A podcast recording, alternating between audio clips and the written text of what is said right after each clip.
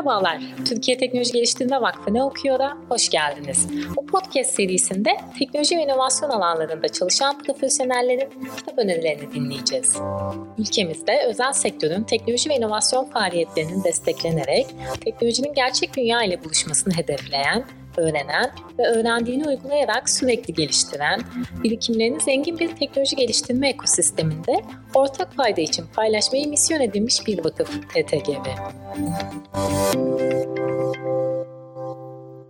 TTGV'ni okuyorum. Bugünkü konu Ideaport programında uzman olarak çalışmalarını sürdüren Burak Baykal. Hoş geldin Burak. Hoş bulduk. Ee, bugün teknoloji ve inovasyon ekosistemi için katkı sağlayacağını düşündüğün, senin de çalışmalarında faydalandığın bir kitap üzerine sohbet edeceğiz. Ama başlamadan önce dinleyicilerimiz için seni biraz tanıyabilir miyiz? Bize akademik geçmişinden ve buradaki görevinden bahseder misin? Ee, öncelikle çok teşekkür ediyorum böyle bir fırsatı yarattığınız için benim için. 2010 yılında Selçuk Üniversitesi Kimya bölümünden mezun oldum. Ee, ardından e, yüksek lisansım için Ankara Üniversitesi'nde yine aynı bölümde başladım.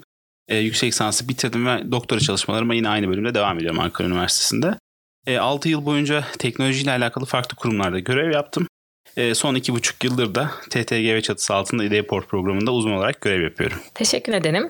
Ee, peki IdeaPost ne yapar? Şu anki gündemi nedir? Bize biraz da bundan bahseder misin? Tabii. E, IdeaPort farklı uzmanlıklara sahip teknoloji profesyonellerinin güncel teknoloji gündemleri etrafında e, bir araya geldiği özel sektörün gelişen teknolojileri adaptasyonunu arttırmak amacıyla tasarlanmış bir TTGV programı aslında. E, yeni teknolojilere ve trendlere odaklanan bir komünitemiz var. Aynı zamanda Türkiye'nin ilk teknoloji odaklı bilgi topluluğu olarak ülkemizdeki entelektüel e, bilgi birikimine sahip nitelikli insan kaynağına taze fikirlerini ve kıymetli tecrübelerini paylaşabileceği ideal ortamlar sağlıyoruz. E, IdeaPort komünitemizle birlikte her yıl belirlediğimiz e, teknoloji gündemlerini sürdürülebilirlik, verimlilik performans ve dijitalleşme eksenlerinde ele alarak çeşitli alt başlıklarda incelemeye çalışıyoruz. 2021 yılında da gündemimiz üretimin geleceği, yeni malzemeler ve gelişen teknolojiler. Özellikle gerçekleştirdiğimiz faaliyetlerde e, malzeme teknolojilerinin ve farklı gelişen teknolojilerin endüstriyel üretimi nasıl etkilediğini veya yakın gelecekte nasıl etkileyebileceğini e, anlamaya ve tartıştırmaya çalışıyoruz. Bu amaçla e, atölye çalışmaları, webinarlar, paneller, teknoloji sohbetleri, çalışma grupları gibi, gibi farklı formatlarda etkinlikler düzenliyoruz ve çeşitli çıktılar üretiyoruz bu etkinlikler sayesinde. Ayrıca bir de yeni ve güzel bir gelişmemiz daha var. Lisans ve yüksek lisans öğrenimlerine devam eden meraklı genç araştırmacıların oluşturduğu Yıldızlar Komitemiz de bulunuyor. Bu komitemizde aslında sanayinin sorunlarını ve ihtiyaçlarını daha eğitim hayatları devam ederken anlamaya ve çözüm bulmaya çalışan e, gençlerin oluşturduğu bir topluluk diyebiliriz.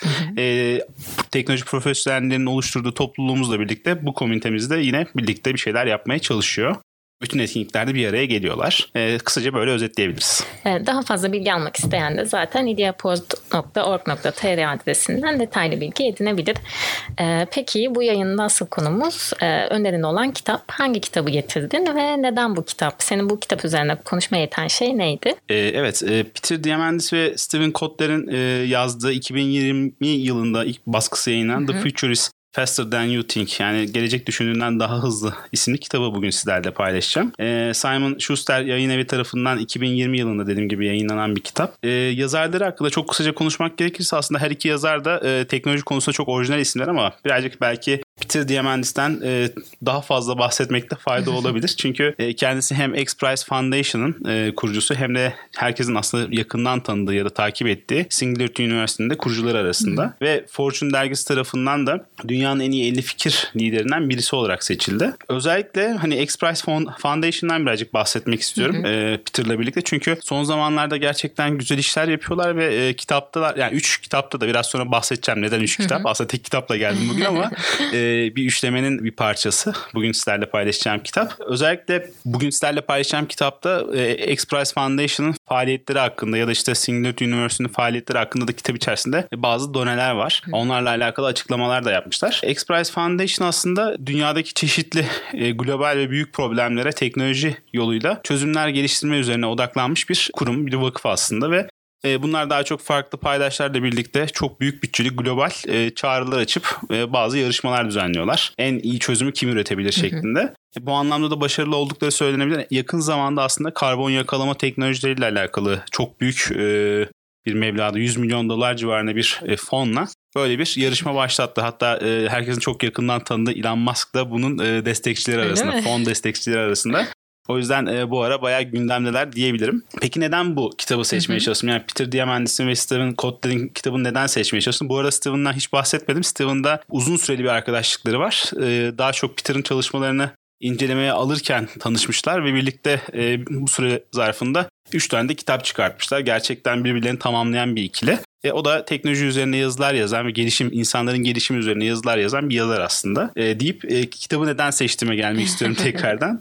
E, aslında beni bu kitabı okumaya iten e, sebeplerden bir tanesi şeydi. Yani zaten biz işimiz gereği de e, Türkiye Teknoloji Geliştirme Vakfı'nda teknolojilerle oldukça haşır neşir durumdayız ama e, global anlamda e, büyük resme insan bazen bakmak istiyor. Yani biz teknolojileri ele alırken e, bazen çok fazla teknolojinin kendisine odaklanıyoruz ya da daha teknik detaylara boğuluyoruz ama aslında büyük resimde teknolojilerin birbirleri arasında bir bağ var. Hı hı. Ve bu bağı anlamak için de e, gerçek dünyadan örnekleri anlamak gerekiyor da incelemek gerekiyor. Bu kitap bu anlamda faydalı olabilir diye düşündüm. Ee, tabii dediğim gibi bir üçlemenin parçası. Keşke Hı-hı. üçlemenin diğer ilk iki kitabını ok- okusaymışım dediğimde oldu. Ee, kitabı bitirdikten sonra. Çünkü birazcık da onlara atıfta bulunan bir kitap. Ee, ama Hani e, bu kitabı tek başına okumak da yine şey olmayacaktır. Okuyucular açısından sıkıntı yaratmayacaktır. Yine de önerim üçlemeyi birlikte okumaları. Peki bildiğim kadarıyla üç bölümden oluşan bir kitap bu. Bu bölümlerden kısa kısa biraz bahsedelim istersen. E, tabii. Aslında şöyle ilk bölüm olan The Power of Convergence'da Yakınsamanın Gücü isimli bölümde aslında Diamandis ve Kotler işte yeni nesil ulaşım yani bunların arasında otonom araçlar, Hyperloop gibi farklı teknolojiler de var. E, kuantum hesaplama, yapay zeka, eklemeli imalat, nanoteknoloji, blok zinciri ya da biyoteknoloji gibi farklı teknolojilerdeki son gelişmeleri gözden geçiriyor. Teknolojilerin yakınsaması diye bir kavram var. Aslında bu işte convergence kelimesi oradan geliyor. E, bunu özellikle ilk bölümde açıklamaya çalışıyorlar. Daha önce e, üçlemeden bahsetmiştik. Hı hı. Üçlemenin ilk kitabı olan Bolluk'ta e, buna çok kısaca farklı bir kavramla değiniyor aslında ama esas bu kitapta bu e, teknolojinin yakınsaması olayını daha net bir şekilde örneklerle açıklıyor. Hı hı. Ee, peki araya giriyorum ama. Tabii. Teknolojinin yakınsaması aslında ne demek? Bunu en basit haliyle kısaca açıklayabilir miyiz? Tabii. Ee, şöyle kısaca açıklayalım aslında. Daha sonra bir örnek de vermek istiyorum. Herkesin çok iyi bildiği bazı örnekler var aslında bu konuda. Ee, teknolojik yakınsama aslında başlangıçta ilgisiz olan farklı teknolojilerin e, geliştikçe daha yakından birbirlerine entegre olmaları ve bir noktada artık birleşmeleri anlamına geliyor. Bu yakınsama kelimesi, teknolojik yakınsama kelimesi ya da kavramı. ee, burada özellikle daha önceki kitaplarda da hani böyle katlanarak hızlanan teknoloji kavramından bahsetmişti e, Diamandis ve Kotler. Burada özellikle bu katlanarak hızlanan teknoloji kavramını şöyle anlatabiliriz. Fiyatı düzenli olarak düşerken e, gücünü ve etkisini iki katına ya da daha fazla e, arttıran teknolojilerden bahsederiz. Örneğin Moore yasası olarak bilinen herkesin çok e, böyle iyi bildiği klasik örnekler vardır. İşte 1965 yılında Intel şirketinin kurucusu olan e, Gordon Moore e, bir entegre devre üzerinde transistör sayısının her bir buçuk yılda bir ikiye katlandığını fark etmiş ve bu bir buçuk yıldaki e, gelişimin aslında bilgisayarların iki kat daha güçlü hale geldiğini fark etmiş bu gelişme sonucunda. Ancak maliyetlerinde aynı kaldığını görmüş. Tabi bu şaşırtıcı bir durum. E, bu eylemin birkaç yıl devam edeceğini öngörmüşler ama günümüzde bile 2021 yılındayız. Halen daha aslında şartlar bu şekilde devam ediyor. Şu anda cebimizdeki akıllı telefonlar bunun en güzel örneklerinden bir tanesi. Ee, 1970'li yıllarda bir süper bilgisayardan bin kat daha küçük ve bin kat daha ucuz ve bir milyon kat daha güçlü e, olan telefonlar şu anda çok daha iyi durumda e, o zamanki cihazlara göre. Tabii Moore yasasına dair şu anda bazı çekinceler var. Yani Moore yasası işte gücü iki katına arttıkça e, bu ısıyla alakalı bazı problemler var. Isı ölümü deniyor buna. Mur yasasının ısı ölümüne dair, yaklaştığına dair bazı raporlar çıktı son zamanlarda ve hani aslında yasanın artık çalışmadığına dair bazı görüşler var. E, fakat buna rağmen 2023 yılında ortalama 1000 dolarlık dizüstü bilgisayar insan beyniyle aynı e, işlem gücüne sahip ve bundan 25 yıl sonra aynı ortalama dizüstü bilgisayar dünyadaki tüm insanların beyninin işlem gücünden daha fazlasına sahip olacak. Yani e, her ne kadar ısıyla alakalı problemler yaşansa da e, Moore kanunu halen bayağı takır takır devam ediyor çalışmaya. Dolayısıyla hani yakınsamadan kastımız bu. Yani şöyle de anlatabiliriz aslında bunu. Bugün gündelik hayatlarımızda kullandığımız cep telefonlarının içerisinde hem e, mini bir bilgisayar hem e, bir kamera e, hem de farklı özellikler içeren farklı ekipmanlar var. İşte nabız ölçerden tutun da e, daha farklı sensörlerin olduğu e, şeylere kadar. Dolayısıyla birçok teknolojiyi ufacık bir telefonun içerisinde bulabiliyorsunuz. Teknolojik yakınsamanın en güzel örneği bence budur. E, dolayısıyla kitapta da bunlardan oldukça bahsedilmiş. Yani çok farklı gelişen teknolojilerin bir noktada artık nasıl birleşeceği, buradaki dinamiklerin neler olduğu bunlardan bahsedilmiş. İlk bölüm daha çok bu teknolojik yakınsama kavramının açılımıyla e, ve bahsettiğim gibi bu e, yakınsamaya neden olan güçlerin anlatımıyla geçiyor. E, ardından ikinci bölümde her şeyin yeniden doğuşu bölümü. E, burada da önümüzdeki 10 yılda, e, bu arada önümüzdeki 10 yıl kavramı önemli çünkü kitapta ona çok vurgu yapılıyor. Yani önümüzdeki 10 yıl, 20 yıl yani yakın gelecek olarak görülen zaman diliminde teknolojilerin nasıl bir değişime sebep olacağı anlatılmaya çalışılmış. İkinci bölümde de aslında bu olağanüstü değişikliklere derinlemesine bir bakış yapılıyor. Diamandis ve Kotler yakınsamanın, teknolojik yakınsamanın ve teknolojik yeniliğin eğlence, perakende, reklam, eğitim, sağlık, finans, sigorta, e, emlak, ulaşım, tarım, gıda gibi farklı sektörlere nasıl kökten etkileyeceğini böyle kapsamlı bir şekilde anlatıyor ve örneklerle anlatıyor aslında. İnsan hayatına dokunan bütün sektörlerde Aynen, aslında. aynen. Ee, burada şey çok ilginç. Benim hakikaten şaşırdığım bir nokta olmuştu. İlk aslında ikinci bölümde başladığı sektörler eğlence, perakende ve reklam sektörü. Hatta e, yani bunlarla alakalı çok güzel örnekler de var. Günlük yaşadığımız e, gündelik hayattaki olaylardan da yola çıkarak. İnsan hakikaten hiç öyle düşünmüyor. Yani bugün kullandığımız birçok platform, eğlence amaçlı kullandığımız birçok platform aslında oradaki örneklerle aa bu böyle miymiş demek gerçekten biraz şaşırtıcı oldu benim için. E, son bölümde de üçüncü bölümde de aslında daha hızlı gelecek bölümü. Burada da e, Diamandis ve Kotler insanlığın gelecek yüzyılda karşılaşacağı e, yaklaşan muhtemel tehditlere ve bunların olası teknolojik çözümlerine e, ayrıntılı bir bakış atıyor. E, burada özellikle birinci ve ikinci bölümlerde anlattıklarını daha farklı örneklerle genişletmeye çalışıyor.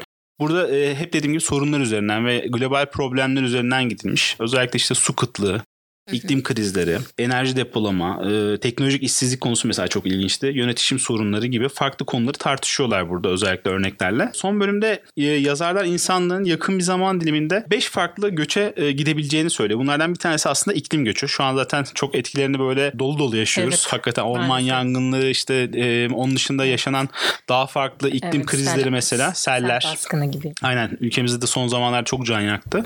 E, daha da fazla sanıyorum hani gelecek yıllarda kendini gösterecek. E, bunun mesela bir göçe sebep olabileceği, şehir merkezlerinde yer değiştirmenin artabileceği, sanal dünyalara göçe mesela e, onlardan özellikle bahsetmiş. Bu iş hayatında çok konuşulan bir şeydir. Sanal göçmenler ya da onun daha farklı bir tabiri vardı. Onların daha da artabileceğine mesela şey yapılmış. Tabii Peter'ın çok ilgilendiği bir şey. Peter Diamandis'in uzaya genişleme konusu. Onun en büyük ilgi alanlarından bir tanesi. Onu özellikle anlatmış. Yani artık dünyada e, daha fazla e, ilerlenemeyeceğini ama uzaya açılarak oradaki farklı e, aslında şeyleri, imkanları kullanabileceğimizden bahsediliyor. Bunda bir göçe sebep olabileceğinden bahsedilmiş. Ve bir diğer önemli konu da aslında meta zekaya asimilasyon. Bu, bu da çok ilginçti. Yani bazı şeyler tabii ütopik geliyor kitabı okuyunca insana ama e, çok yakın gelecekten şeyleri, öngörüleri paylaşıyorlar ve verdikleri örneklerin hepsi aslında ayağa yere basan örnekler. O yüzden insan hani bunları okurken şaşırmıyor değil. Birazcık ben de şey yapmıştım, etkilenmiştim bunlardan. Bu beş büyük göç dalgasından bahsediliyor yine son bölümde. Kitabı hani genel olarak böyle özetleyebiliriz. Teşekkür ederim. Sen bu kitaptan bahsederken ben zaten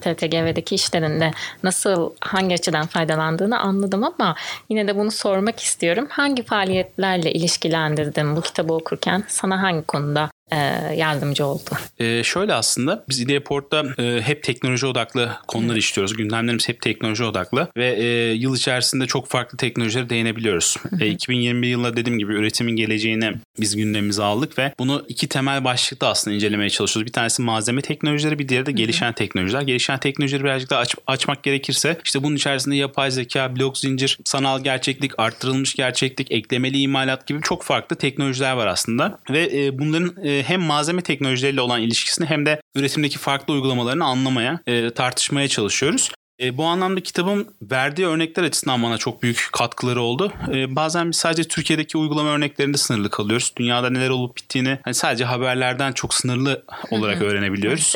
Hep de mesela gündemde Silikon Vadisi ya da benzer yerler vardır. Hep oradan gelen şeyler vardır ama kitapta çok güzel e, ve çok akla gelmeyecek böyle örnekler var. Bunlar hakikaten insana bir vizyon açıyor. Bu anlamda bizim içeride özellikle çalışma gruplarımız var e, Ideaport bünyesinde. Çalışma gruplarında yeni konular tartışmak, konuşmak için aklımıza e, güzel örnekler geliyor bu kitap sayesinde. E, ilk aslında bu anlamda bize bir katkısı oldu. Bir de e, komünitemiz hakikaten şu anda 100 sayısını geçtik komünitemizde. Oradaki teknoloji profesyonelleriyle çok farklı branşlardan uzmanlıklara sahip insanlar tabii bunlar. E, bazen yaptığınız sohbetler e, çok böyle entelektüel birikimi e, ön plana çıkartan sohbetler oluyor.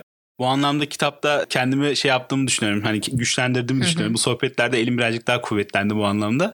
E, o da çok önemli. Ama genel olarak program faaliyetlerinde hep teknoloji odaklı ilerlediğimiz için evet. sanıyorum bize o anlamda bir vizyon sağladı. Sizin bir de öngörebiliyor olmanız gerekiyor tabii ki. Tabii. Gelecek teknolojileri. O yüzden de fayda sağlamıştır muhtemelen. Aynen. Ee, peki sence bu kitabı okumak teknoloji ve inovasyon ekosistemi aktörlerine, profesyonellerine e, ne kazandıracak? Ee, aslında şöyle, konuşmamızın başına bahsetmedim ama bu bir üçlemenin parçası olan bir kitap. Çok kısaca bahsettim aslında. Ee, ilk kitap aslında Bolluk adını verdiğimiz bir kitap. Ee, 2012 yılında yine aynı yazarların e, yazdıkları bir kitap. Ee, orada özellikle yazarlarımız yapay zeka, robotik, dijital üretim, sentetik biyoloji gibi e, farklı üstel büyüyen teknolojileri e, anlatmışlar ve bunlarda yaşanan ilerlemelerin geçmiş 200 yılda e, elde ettiğimiz kazanımlardan daha fazla kazanımı gelecek 20 yılda e, nasıl elde edebileceğimize dair bazı e, öngörülerde bulunmuşlar bu kitapta. Ve yazarlarımız hani yakın gelecekte 10 ya da 20 yıllık bir süreç içerisinde e, bu teknolojiler sayesinde gezegendeki her insanın temel ihtiyaçlarını karşılama ve e, farklı zorlukları aşma yeteneğine sahip olacağını e, iddia etmişler bu kitapta.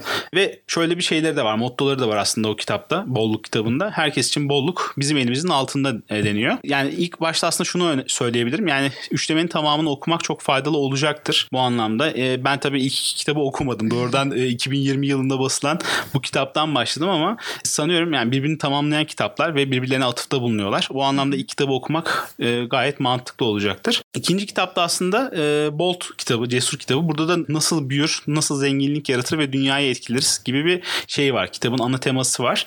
Burada da özellikle çığır açan çözümler bulmak için teşvik edici farklı yarışmaların nasıl tasarlandığı, nasıl kullanıldığı, 10 milyarlarca dolarlık e, kullanılabilir e, kitle fonlamadan ya da sermayeden yararlanmak için farklı kitle fonlama kampanyalarının nasıl başlatılacağına dair bazı e, açıklamalar yapılmış bu kitapta da. E, ve aslında bu e, Bolt kitabı 2015 yılında yayınlanan Bolt kitabı birazcık daha e, Peter Diamandis'in şu anki e, işte X Prize Foundation ya da Singularity University gibi farklı e, yöneticisi olduğu kurumların çalışma mantıklarını da anlatıyor. Tabi bunun da yine üçüncü kitaba bağlanan bir tarafı var. Bunu okumak da yine çok faydalı olacaktır. Üçlemenin diğer iki kitabına. E, ve en son tabii bu son kitabımız. Bu son kitapta ya tabii ilk, ilk kitabı okumadım ama bu son kitapta en çok beğendiğim nokta ve beni hakikaten başkalarına tavsiye etme noktasında şey yapan, etkileyen motive noktalar, eden, motive evet. eden noktalar aslında şunlar. Kitapta bilgilerin sunulma şekli çok e, farklı ve orijinal. Özellikle bir teknoloji trendinin sunumu yapılırken öncelikle kitapta çözdüğü e, problemin bir tanımı ve arka planı anlatılıyor. Ardından bu teknolojinin nasıl çalıştığına dair kısa açıklamalar yapılıyor. Yine bu teknolojinin gerçek dünyadaki uygulamalarına dair çeşitli örnekler e, sunuluyor ve bu örneklerde teknolojinin e, gerçekten nasıl çalıştığı, nasıl ilerlediğine dair bilgiler veriliyor. Sonra bu teknolojinin gelecekte nerelerde kullanılabileceğine dair bir düşünce deneyi sunuluyor. Mutlaka yani bu zaten kitabı okuyanlar da göreceklerdir. Farklı teknoloji başlıkları var her bir bölüm altında. Ee, yani neredeyse birçok teknolojiye değinmişler. Her birisi için bir düşünce deneyi sunuluyor aslında. Bu düşünce deneylerinin faydası da şu okuyucunun kitapta geçen teknolojilerin hem endüstri tarafında, farklı endüstriler tarafında hem de günlük yaşantılarımız üzerindeki etkilerini daha net hayal edebilmelerini sağlıyor bu düşünce deneyleri. E, bu anlamda bence betimlemesi güçlü bir kitap ve e, hani e, 7'den 70'e denir ya e, yani bu şey olabilir bir şirkette e, işte yönetici düzeyinde bir insan da olabilir. E, normal e, hani gündelik hayatını yaşayan e, halktan birisi de olabilir. Bu kitabı gerçekten okuyabilirler çünkü kitabın düzeyi ve anlatım tarzı gerçekten teknoloji teknolojileri anlamamıza imkan tanıyor. Yani her seviyede e, herkesin aslında okuyup teknolojiler hakkında e, böyle optimist bir yaklaşımda bulunabilecekleri bir kitap yani. Aslında bu optimist kısmını birazcık daha açmak istiyorum. Orada eleştirel bir şeyim de var. E, yani üç kitapta da aynı durum söz konusuymuş ama ben son kitapta onu özellikle hissettim. Yani tek başına son kitapta da var bu durum. genellikle kitapta çok bir optimist hava hakim. Yani teknolojilerin böyle her şeyi çözebileceğine dair bir kanı ve şey var aslında kitapta. Aynen. yani tabii teknolojilerin sınırlamaları ve tehlikeleri de de e, kitaplarda veriliyor. Hı hı. Kitapta veriliyor. E, ama buna rağmen hani teknolojiler sayesinde dünyamızda düşündüğümüzden çok daha iyi durumda olduğumuzu e, ya da işte birçok sorunun teknolojilerle çözülebileceğine dair aslında çok farklı örnekler verilmiş. Bu anlamda hani ben çok fazla katılmıyorum yazarlara. Bazen teknolojilere gerçekten her şeyi çözemeyebiliyor ama tabii anlatım şekillerini örneklerle destekledikleri için bence yine herkesin e, çok böyle rahatlıkla hayal edip kafasında betimleyebileceği e, şeyler var. Teknoloji anlamında örnekler var. Ama o optimist hava belki okuyucuları biraz rahatsız edebilir. Yani bu kadar da e, hani toz pembe olmasa gerek diyebilir okuyucular. Ama kesinlikle öneriyorum. Yani şey açısından bir kere çok önemli. Teknolojilere daha geniş bir perspektiften bakmak e, anlamında gerçekten bu kitabı okumak yapmak çok e, faydalı olacaktır. Teşekkür ederim. Ee, aslında her seviyeden gelecekteki büyük değişiklikleri anlamak isteyen okurlar için rehber niteliğinde bir kitap üzerine seninle keyifli bir sohbet etmiş olduk. Ee, peki son olarak iyi bir okuyucu olmak isteyen insanlar için, dinleyiciler için ne gibi önerilerin olur? Bizimle paylaşmak ister misin? İsterim. Aslında burada ufak bir itirafla başlayayım. Ben çok iyi bir okuyucu değilim. Ee, yani çok sıkı bir okuyucu değilim daha doğrusu. Çok böyle e, vakit bulabildiğim zamanlarda okuyorum ama e, genellikle e, biraz ikinci plana attığım bir konu kitap okuma kavramı ama yine de beğendiğim kitapları çok bekletmiyorum. Burada mesela beğendiğim kitaplar üzerinden gidersem yine e, genellikle kitap yani beğendiğim kitapları en az iki defa okuyorum. Çünkü ilk seferde aynı çok sevilen bir film gibi bazı evet. yerlerinde çok takılı kalıp anlayamayabiliyorsunuz bazı yerlerin detay kısımlarını. O yüzden iki defa okumayı öneriyorum insanlara. Ben çok böyle kitapların üzerinde e, not almayı da seven bir insanım. Önemli gördüğüm noktaları, sözleri e, mutlaka not alıyorum. Bunu da tavsiye ederim. Hı hı. Tabii bu benim birazcık hatırlamamla ve şeyle de ilgili olabilir belki ama çok faydalı oluyor geriye dönüp baktığımda. Bazen burada kullanılan sözleri ya da o kısımları, paragrafları ben de iş hayatında kullanıyorum. Sunumlarda ya da farklı yerlerde. Bu anlamda kesinlikle öneririm. Bir de kitapları okumadan önce bende öyle bir şey gelişti. Hikayesini yani kitabın hikayesini aslında Hı-hı. yazarın hikayesini ve yazarın yazma motivasyonunu mutlaka araştırıyor. Mesela bu kitapta da özellikle işte Peter Diamandis'in ve e, Stephen Kotler'in aslında yazma konusundaki motivasyonlarını, arkadaşlıklarını, daha önce yazdıkları kitaplardaki e, o motivasyonları birazcık araştırmaya çalıştım. Çünkü şey önemli yani önce kendime bir altlık yaratıyorum o anlamda. Onun üzerine bir şeyler inşa edip kitabı okumak daha e, anlamlı geliyor. Bunu da yine tavsiye edebilirim. Yani iyi bir okuyucu olunur mu bunun sonunda bilmiyorum ama mutlaka tavsiye ederim. evet kesinlikle etkili olacaktır. Teşekkür ederim. Çok kıymetli bilgiler paylaştın. Eklemek istediğim başka bir şey var mı kitapla ilgili? Ee, ben teşekkür ederim. Ee, şöyle kitabın ben e, Türkiye'de basılı haline rastlayamadım ama e, bildiğim kadarıyla hani e-book olarak satın alabilirler e, kitabı. Mutlaka okumalarını tavsiye ediyorum herkese. Belki ilk iki kitap için de daha sonra başka bir yayın yaparız. Olur seninle. tabii seve seve. Bugün TTGV'ni okuyordun konu Ideapod programından uzman Burak Baykal'dı. The Future is Faster Than You Think kitabını konuştuk. Değerli paylaşımların için çok teşekkür ederim Burak. Ben teşekkür ederim. Gelecek yayınımızda başka bir konuk ile başka bir kitap konuşmak üzere sağlıkla ve bol kitapla kalın. Teknoloji üreten Türkiye'ye ilham verecek yayınlarımızı, raporlarımızı ve diğer çıktılarımızı web sitemizde inceleyebilirsiniz.